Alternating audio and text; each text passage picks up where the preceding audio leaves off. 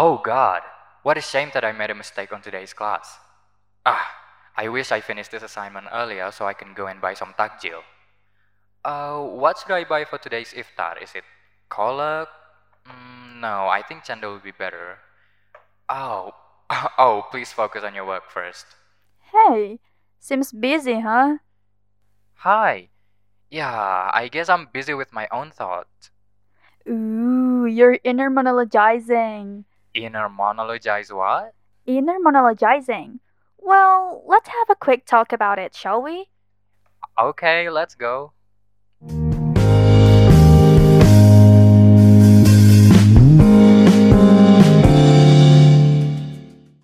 Hello, people. You're listening to a brand new episode of ESC Podcast. Speak, it out.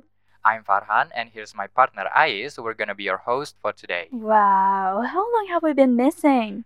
Um, months, I guess. Wow, what a rest. How was your day so far? It's all fine. Thanks for asking, though. How about you? Well, I'm super excited about being on air. Oh my god, yes. Our new journey in ESC Outdoor Cabinet. Ooh, Just a quick cue, though. What are your hopes for this year? all the best, of course. Other than for myself, I also hope this year is gonna be a fun year for everyone to be better. It's all about self development, I see. Yeah. Well, I couldn't agree more, and by that I mean let's rock this cabinet starting from now. What are we gonna talk about for this opening to this amazing year? Ah, yes. I'm proudly presenting the topic for this premiere episode Inner Monologue. Have you ever heard about it before? Um, I don't think I have. What's that? It is also known as internal monologue or interpersonal communication and happens when you have these voices in your head debating on something you are going to do or say. Ah, I see now that you put it that way. Is it like inner thoughts? Yeah, exactly. Have you experienced it before? Oh, a lot then. I often overthink about things that I already did or will be doing. How about you? Yeah, me too. I don't know, but lately I've always been feeling uncertain of what I was gonna say and stuff. I can relate to that. Yes. So, what do you think we're going to discuss on this topic? Um, let me see. Definition, we kind of completed that one, but I think it would be lovely if we have another perspective, wouldn't it? Ooh, exactly. We have collected some responses from our ESC bodies out there on that. And oh boy, looks like they're also excited to start a new journey with us. Really? They better be. Okay, okay, here we go. Mm, do you want to read it first Oh, no, no, no, please. You do the honor. Okay, thank you. So, the first response on what our bodies know about inner monologue.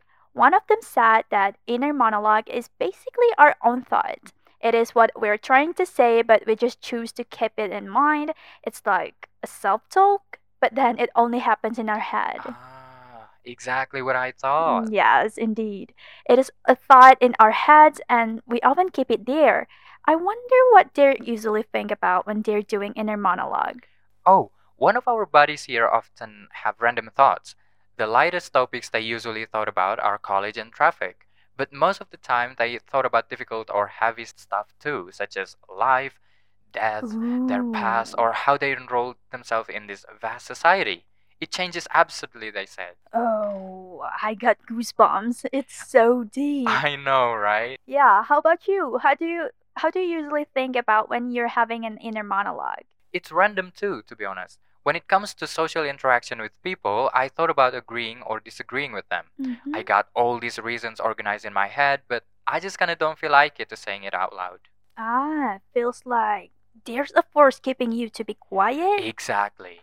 Now I wonder, what are the reasons this inner monologue could happen? Okay, so one of our bodies considered inner monologue as a safe space where no one could hear, see, or notice our feelings. It doesn't always have to be bad, you know. It can Yeah. be a happy mood, such as feeling grateful. Ah, I It could also be the place for themselves to confess what they felt just to themselves alone without anyone bothering or judging how they perceive their current feeling. Ah, oh my god, I'm so agree. It is hard sometimes to confess to other people. That's one of my main reasons too. What's yours? Well, I agree with our buddy. I feel like most of the time I don't really have a safe space to pour my thoughts into. So Hmm. that way, I'm doing an inner monologue to say whatever I want without anyone judging it. And yes, we need freedom sometimes, even if it's just a bit. Yeah, I feel you. So, talking about reasoning, how do we need to deal with inner monologue? Mm, one of our buddies suggested that self control is a must. We're the ones who have the control of our minds, right? Making a Right, yeah. limitation is something they do to deal with their inner monologue. Ah, They suggest trying to communicate more of our thoughts to others so we can receive others' points of view. mm. Even if it doesn't seem too harmful and we might get too comfortable to do inner monologue, we may lose the attraction to interact verbally with others. Ah, yeah, I think we all can relate to that, especially during Ramadan. Oh, yeah. Personally, I'm so not into verbal communication lately. Uh, most of the time, I just don't have the energy to do it. Not to mention, it's also exhausting, and hmm I don't want to make myself thirsty. Yeah, oh, yeah, about that, me too. And apparently now during Ramadan, I did more inner monologues than before. Oh, really? What do you think about it?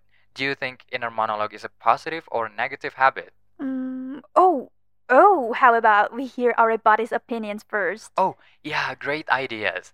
Okay, so here I'm going to read it. One of our buddies said, I consider it to be both positive and negative at the same time. Subjectively, by having an inner monologue, you can still express your thought and not burden it too much inside. Mm, they also added that this can create a toxic emotion. Sometimes they underestimate themselves and probably start to berate themselves. Having too much inner monologue could also lower their self esteem. They feel like expressing their feelings to the public won't be as direct as having an inner monologue. Besides, they're not used to expressing or even confessing to anyone, not even some of their best friends and family. Wow, what an objective view. It is indeed. They really know how to see things from every perspective possible. Yes, I agree with them, especially that inner monologue could lower self esteem. As one of our other buddies said, that communicating is very important to let people understand because they surely can read our mind. Yeah, that's right. Are there any more responses? Mm, I really hope so, but that was the last one, I'm afraid. What do you think? Well, our buddies are so diverse, aren't they? Exactly. So, what do you feel about today's topic? Oh, what a relief, Togs. I overthink easily, and now I know it's because I'm not controlling my thoughts Ah, properly. yeah, we do really have a great talk though. We're both thanking you, ESC buddies, for all the opinions and experiences you shared with us. right. It really means a lot to us and Yeah. it makes us closer too. Yes, absolutely. And I think that marked our talks for today. Oh, there's actually one more thing. We have a surprise for you guys. Oh, yeah? What is it? Oh, come on, that one? Um, uh, yeah, oh yeah, I remember it. Uh, I'm sorry anyway. Okay. Okay, okay. ESC buddies, aren't you guys curious about the facial expressions we made during the podcast? We sure hope so because we are branching out to YouTube. Ooh, Damn. that's oh my god, that's right. So make sure you stay tuned for our next podcast in SS Podcast on Spotify and Himpunan Mahasiswa Pendidikan Bahasa Inggris channel on YouTube. woo, sweet. Now I am Ice. And I'm Farhan. Thank you for listening. See you and happy Ramadan.